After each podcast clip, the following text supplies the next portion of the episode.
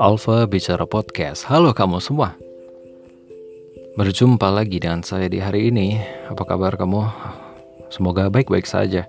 Di masa pandemi yang makin tidak jelas dengan teori konspirasi yang makin membludak, meluas. Eh, dengan berbagai spekulasi-spekulasi dari tokoh-tokoh karbitan dadakan hingga expert. Tapi yang jelas hidup harus tetap berjalan walaupun ada kemungkinan makin susah juga ada kemungkinan makin mudah um, lama nggak ketemu tapi saya punya sedikit cerita saya punya cerita buat kamu cerita yang saya tulis saya tulis karena uh, pengen nulis aja ketika bangun tidur saya habis mimpi sebenarnya kamu mau tahu cerita apa itu? Cerita cerita itu adalah cerita yang saya tulis di blog. Judulnya adalah Apakala. Apakala itu uh, bahasa arkais ya Indonesia. Jadul-jadul akala. Akala itu sama dengan kurang lebihnya apabila. Apabila. Uh, mau tahu? Mau mau tahu bunyinya seperti apa cerita saya itu? Ini lebih mirip skrip sih. Saya membayangkan ini skrip skrip mentahan uh, film pendek. Film pendek bisa dibilang begitu. Apa kala? Semalam aku tidur, tapi tak lama kemudian terbangun, duduk sejenak, berjalan mencari air minum, lalu menelannya ke dalam tubuhku. Dua menit berlalu, dengan setengah sadar aku kembali ke tempat, ke tempat tidur dan sepertinya terlelap. Dalam lelap, cahaya terang menyilaukan penglihatanku sehingga telapak tangan kujadikan topeng penghalang. Sekelebat sorotnya kembali normal, tapi aku tersentak karena ada seorang bayi yang tertidur pulas dan terbungkus selimut di atas lantai tepat di depanku berdiri. Pelan-pelan ku dekati bayi itu. Membungkukkan badan sambil memandang wajahnya. Memoriku berkata, sepertinya tak asing. Itu anakmu. Anakmu yang tertidur pulas di sana. Aku ingat betul dari wajahnya. Dengan kebingungan, mataku melempar sorotan ke segala arah dalam ruangan putih yang kosong ini.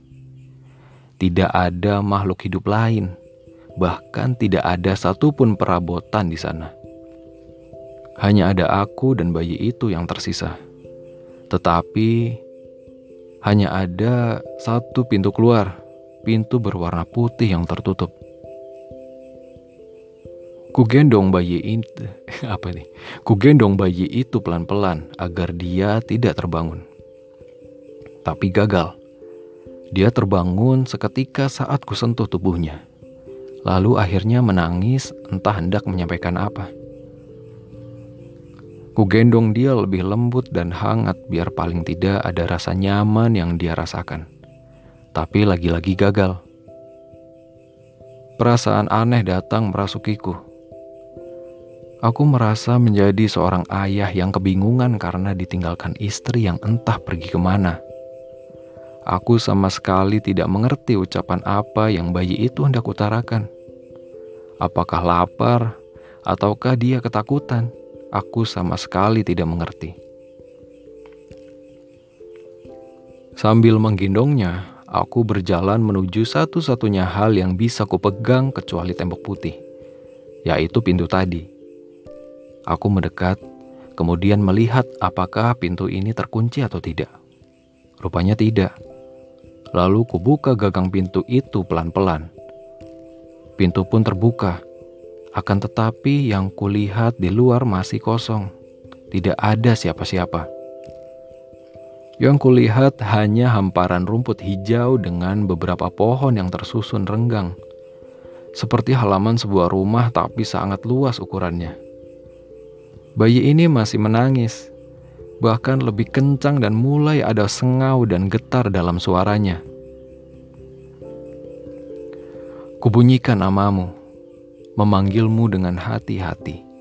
Sekali, dua kali, hingga yang ketiga, makin kencang, lebih kencang dari sebelumnya. Berharap kau ada dan menenangkan tangis bayi ini.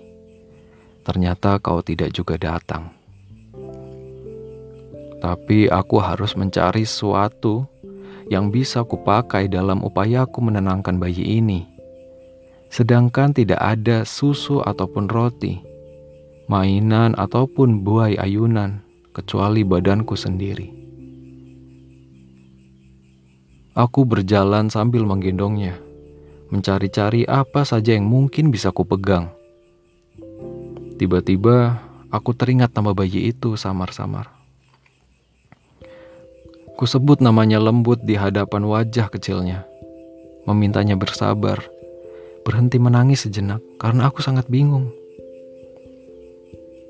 Bayi itu membalasku dengan tatapan, dengan matanya yang sembab berair. Lalu tangisnya berhenti. Kami saling menatap. Aku sadari ada matamu dalam tatapan itu. Dalam hati aku berucap, "Mana ibumu, Nak?" Tapi yang keluar dari mulutku adalah kalimat, "Kau benar-benar mirip dengannya." Bayi itu seolah mengangguk sambil tertawa kecil. Tangannya memainkan dasi yang tergantung di kerah kemejaku. Aku kaget. Apakah dia bisa mendengar suara hatiku? Mengapa sekebetulan ini? Aku melihat sebuah pohon rindang beberapa meter dari tempatku berdiri. Kubawa bayi ini ke sana untuk duduk dan berteduh. Ibu jariku mulai membelai-belai kepala dan pipinya. Bibir dan hidungnya pun kusentuh pelan. Kuajak dia berbicara, tetapi dia hanya membalas tatapan seperti tadi. Mana mungkin bayi ini bisa membalas pertanyaanku dan bicara? Pikirku bodoh, ucapku dalam hati. Tapi kemudian dia kembali menangis. Apa yang harus kulakukan? Aku bingung. Ku sebut lagi namanya dengan lembut. Ai mau apa? Ai mau apa? Ai mau apa? Walau aku tahu dia tidak akan bisa menjawab ataupun mengerti ucapanku, tapi entah kenapa aku masih melakukan hal itu. Lagi-lagi bayi ini berhenti menangis, menatapku lagi sambil mengoceh hal-hal yang tidak aku mengerti. Mimiknya seolah mengajakku berbincang, lalu tangan kecilnya kini mulai menyentuh-nyentuh wajahku.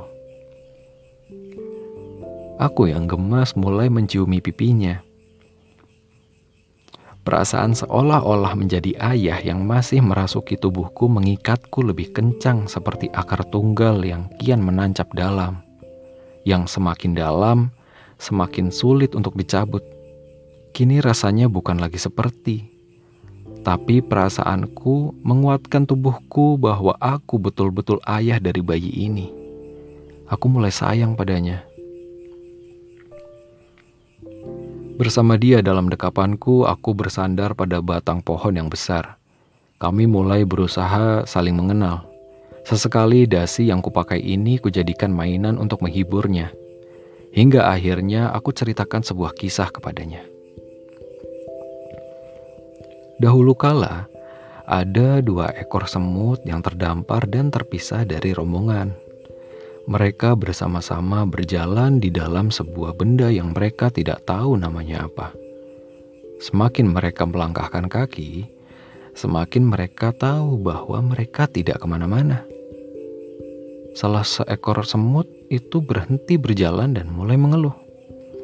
Aku haus, dan sepertinya kita hanya berputar-putar saja di tempat ini. Semut yang lainnya pun ikut ber berhenti dan mengiyakan ucapan kawannya. Iya, aku rasa begitu. Tapi kita harus tetap berjalan agar bisa pulang. Bersabarlah. Sebentar lagi pasti sampai. Tapi aku benar-benar lelah. Aku ingin aku ingin minum. Jawab seekor semut yang lain. Mereka berdebat panjang dan kian kebingungan. Lalu dalam kebingungan itu, guncangan mulai terasa dari kaki hingga tubuh mereka. Tempat mereka berdiri kini bergoyang ke sana kemari. Kedua semut itu saling mendekap satu sama lain. Ada apa ini? Aku takut. Ucap seekor semut. Um, manusia itu mengangkat tempat ini. Ayo dekap aku lebih erat. Kemudian tempat itu dibanjiri air yang keluar menyerupai hujan deras. Kedua semut itu pun tersapu olehnya. Terombang ambing ke kanan dan ke kiri hingga akhirnya mereka jatuh ke tempat lain yang lebih kering. Salah seekor semut tadi lemas dan hampir pingsan. Tetapi yang satunya lagi masih mendekap kawannya dengan segala tenaga dan yang dengan segala tenaga yang tersisa. Hei, hei, lihatlah, kita keluar dari tempat itu. Bangun, bangun. Kita harus pulang. Semut yang hampir pingsan ini pun berupaya tetap terjaga agar bisa terus berjalan. Mereka berdua saling merangkul, berjalan bersama walau tertatih-tatih hingga akhirnya sampai ke rumah tempat kawanan lain hidup di sana. Dan mereka bersama membesar, membesarkan anak-anak dan bahagia selamanya. Selesai. Mata bayi ini separuh memandang seperti bulan sabit yang bersinar. Rupanya dia menikmati ceritaku dan merasa nyaman tidak lama setelahnya, dia tertidur dalam dekapanku lagi. Sedangkan aku masih bertanya-tanya, "Di manakah kamu berada?" Karena aku yakin sangat tidak mungkin kamu meninggalkan bayi ini sendirian. Mungkin karena sepoi angin membelaiku atau hening yang mengurung kami, mataku ikut terpejam dalam situasi seperti ini. Untuk beberapa saat aku tidak tahu lagi apa yang terjadi. Tapi tak lama kemudian tubuhku kaget dan mata seketika terbuka. Kutemui diriku tengah berdiri di depan rumahmu. Aku mengenali itu dari pohon beringin besar di sebelah utara pagar. Selagi mataku ke sana kemari memastikan keadaan, kau keluar dari pintu rumah dan memanggilku dengan panggilan yang paling kurindukan. Sayang, sini. Aku buatkan susu hangat untukmu. Aku kian terkejut melihatmu. Melihatmu yang telah lama tidak kulihat dengan mata dan perasaanku. Badanku bergerak memasuki pelataran rumah dan duduk di kursi depan. Sedangkan kau, setelah meletakkan segelas susu hangat di meja, meminta izin untuk masuk lagi ke dalam. Diminum dulu. Bentar ya, Yang ucapmu sambil beranjak pergi. Iya, jawabku mengangguk, tapi secepat kilat, silau datang dan pergi membawaku kembali ke tangisan bayi ini. Dalam bot, dalam bola mataku hanya ada hamparan rumput dan sebuah rumah berwarna putih tadi. Kulihat wajah bayi ini. Ah, ku tepuk-tepuk pelan pahanya untuk menenangkan. Tadi aku bertemu ibu, ucapku padanya, dan kami saling meneteskan air mata. Bersambung. Ya begitu kira-kira cerita yang saya buat. Saya berniat untuk membuat seri, cerita seri ya, cerita pendek seri. Apakala nanti di uh, di postingan yang lain mungkin akan saya sisipkan. Yang pasti saya akan posting di blog dulu baru mungkin saya bacakan di podcast. Ya, semoga kamu bisa menikmati sambil saya belajar untuk menuliskan cerita. Saya lagi belajar untuk menuliskan cerita dan membacakan sebuah cerita agar bisa tepat gitu. Karena saya selalu takjub dengan voice actor dari luar negeri dan dalam negeri. Kenapa luar negeri? Luar negeri untuk untuk profesi voice actor itu sangat dihargai, sangat diapresiasi. Mereka juga artis, artis ya memang artis. Maksudnya kalau di dalam negeri di Indonesia biasanya artis itu identik dengan public figure gitu. Padahal artis itu yang uh, ber, berkarya art gitu. Yang menghasil yang menghasilkan art gitu. Public figure ya public figure atau orang yang terkenal itu seleb gitu misalnya seleb gitu uh, kalau di Indonesia kadang rancu istilah artis dengan seleb gitu ya gitu deh kalau di luar negeri voice actor itu mm, jobnya lumayan duitnya lumayan dan industrinya mendukung sehingga mereka hmm, job itu makin berkembang dan aktor aktor pemeran aktor peran apa sih pemeran yang biasanya dalam film pun nggak segan-segan untuk jadi voice actor gitu.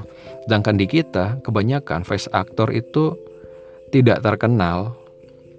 Kalaupun ada seleb yang jadi voice actor untuk mengisi dalam sebuah film, biasanya ya udah segitu aja. Dan filmnya nggak tahu dan kita kalau nggak dikasih tahu itu suaranya dia juga kita nggak tahu kalau itu dia mungkin. Ya gitu begitu menyedihkannya. Uh, sesedih saya mendengar bahwa pengisi suara Doraemon uh, ibu siapa lupa namanya itu meninggal dunia. Ya sedih dan uh, sambil bahagia sedih karena meninggal tentunya bahagia karena terbebas dari uh, beban sakit gitu. Jadi menyatu kembali dengan sang pencipta. Semoga uh, surga untukmu. Ya ya gitu deh. Uh, saya selalu ini wah bisa ya. Ternyata uh, kalau kita waktu saya lihat uh, behind the scene uh, voice actor itu dubbing gitu dubbing dubbing sebuah uh, film itu memang benar-benar tubuhnya itu seperti tubuhnya itu mengeluarkan ekspresi mimik yang betul-betul ya memang lagi acting. Uh, ya emang lagi acting. Jadi emang Mm, mencurahkan seluruh ekspresinya. Walaupun yang ditangkap bukan tubuhnya tapi suaranya doang tapi begitu all out gitu. Saya lagi belajar itu ya mencoba aja sih iseng aja. Nggak tahu kepake apa enggak nggak tahu. Yang penting ya asik. Uh, mungkin saya akan bilang uh, bilang kalau mengisi suara itu gampang mungkin ya gitu. Mungkin akan saya akan jadi bagian orang yang seperti itu. Tapi saya mencoba ya mungkin terlihat gampang tapi saya coba oh ternyata susah nggak nggak segampang yang dibayangkan karena harus berekspresi juga. Ya kira-kira seperti itulah. Jadi cukup pendek untuk episode kali ini. Semoga kita ketemu lagi di episode selanjutnya. Dan tetap jaga kesehatan dan jaga kewarasan kamu oke? Okay? Dan jangan lupa dengarkan podcast Sopan Santuy, podcast saya dengan teman-teman teman-teman satu angkatan kuliah yang juga kebetulan berada di UKM unit kegiatan mahasiswa radio kampus. Saya sih cuma berapa tahun ya? Setahun mungkin, setahun dua tahun. Habis itu cabut, sedangkan mereka udah ada yang pernah jadi direktur dan macam-macam lah ngurus di sana. Lebih tahu dalemannya daripada saya. Ya, uh, dengarkan juga sopan santuy. Promo. Dan jangan lupa, kamu juga bisa ikut berbicara di podcast dan menyebarkan cerita kamu ke seluruh platform audio yang ada di internet, yang ada di uh, operating system mana-mana, di Windows, di Android, di iPhone, dengan cara yang sangat mudah, yaitu membuat, eh kok membuat, menginstal sebuah aplikasi yang mana juga platform ini udah diakuisisi oleh Spotify yaitu Anchor.fm. Silakan buka Play Store kamu, buka Google Play Store kamu, Google Apps kamu, uh, App Store kamu, uh, ketik Anchor.fm, A N C H O R titik FM dan silakan kamu sign up, kamu bikin akun, kamu ikuti step by stepnya. Kamu harus ngapain aja silahkan diikuti. Lalu kamu tinggal rekam kamu tinggal beropini. Opininya di mana? Yaitu di podcast kamu sendiri seperti yang saya lakukan dan teman-teman saya lakukan juga. Dengan cara yang sangat mudah dengan cara yang sangat murah yaitu gratis kamu bisa menyebarkan audio kamu karya kamu atau mungkin juga kalau kamu tidak ingin berpendapat kamu juga bisa mungkin seperti tadi bercerita menceritakan cerita kamu sendiri atau membacakan puisi atau cerita orang ataupun membaca buku yang pernah saya lakukan juga dengan sangat mudah, dengan sangat gampang, yaitu dengan cara menginstal anchor.fm. Dan silakan nanti kamu kalau sudah buat dan kamu sudah publish episode pertamanya, silakan kamu share di eh, di saya kirim ke email atau di sosmed di DM silakan atau di Twitter kamu tag saya nanti saya dengarkan dan mungkin kita bisa ngobrol bareng dalam satu saluran. Oke, sampai ketemu di episode selanjutnya. Alfa Bicara Podcast. Signing out. Bye bye.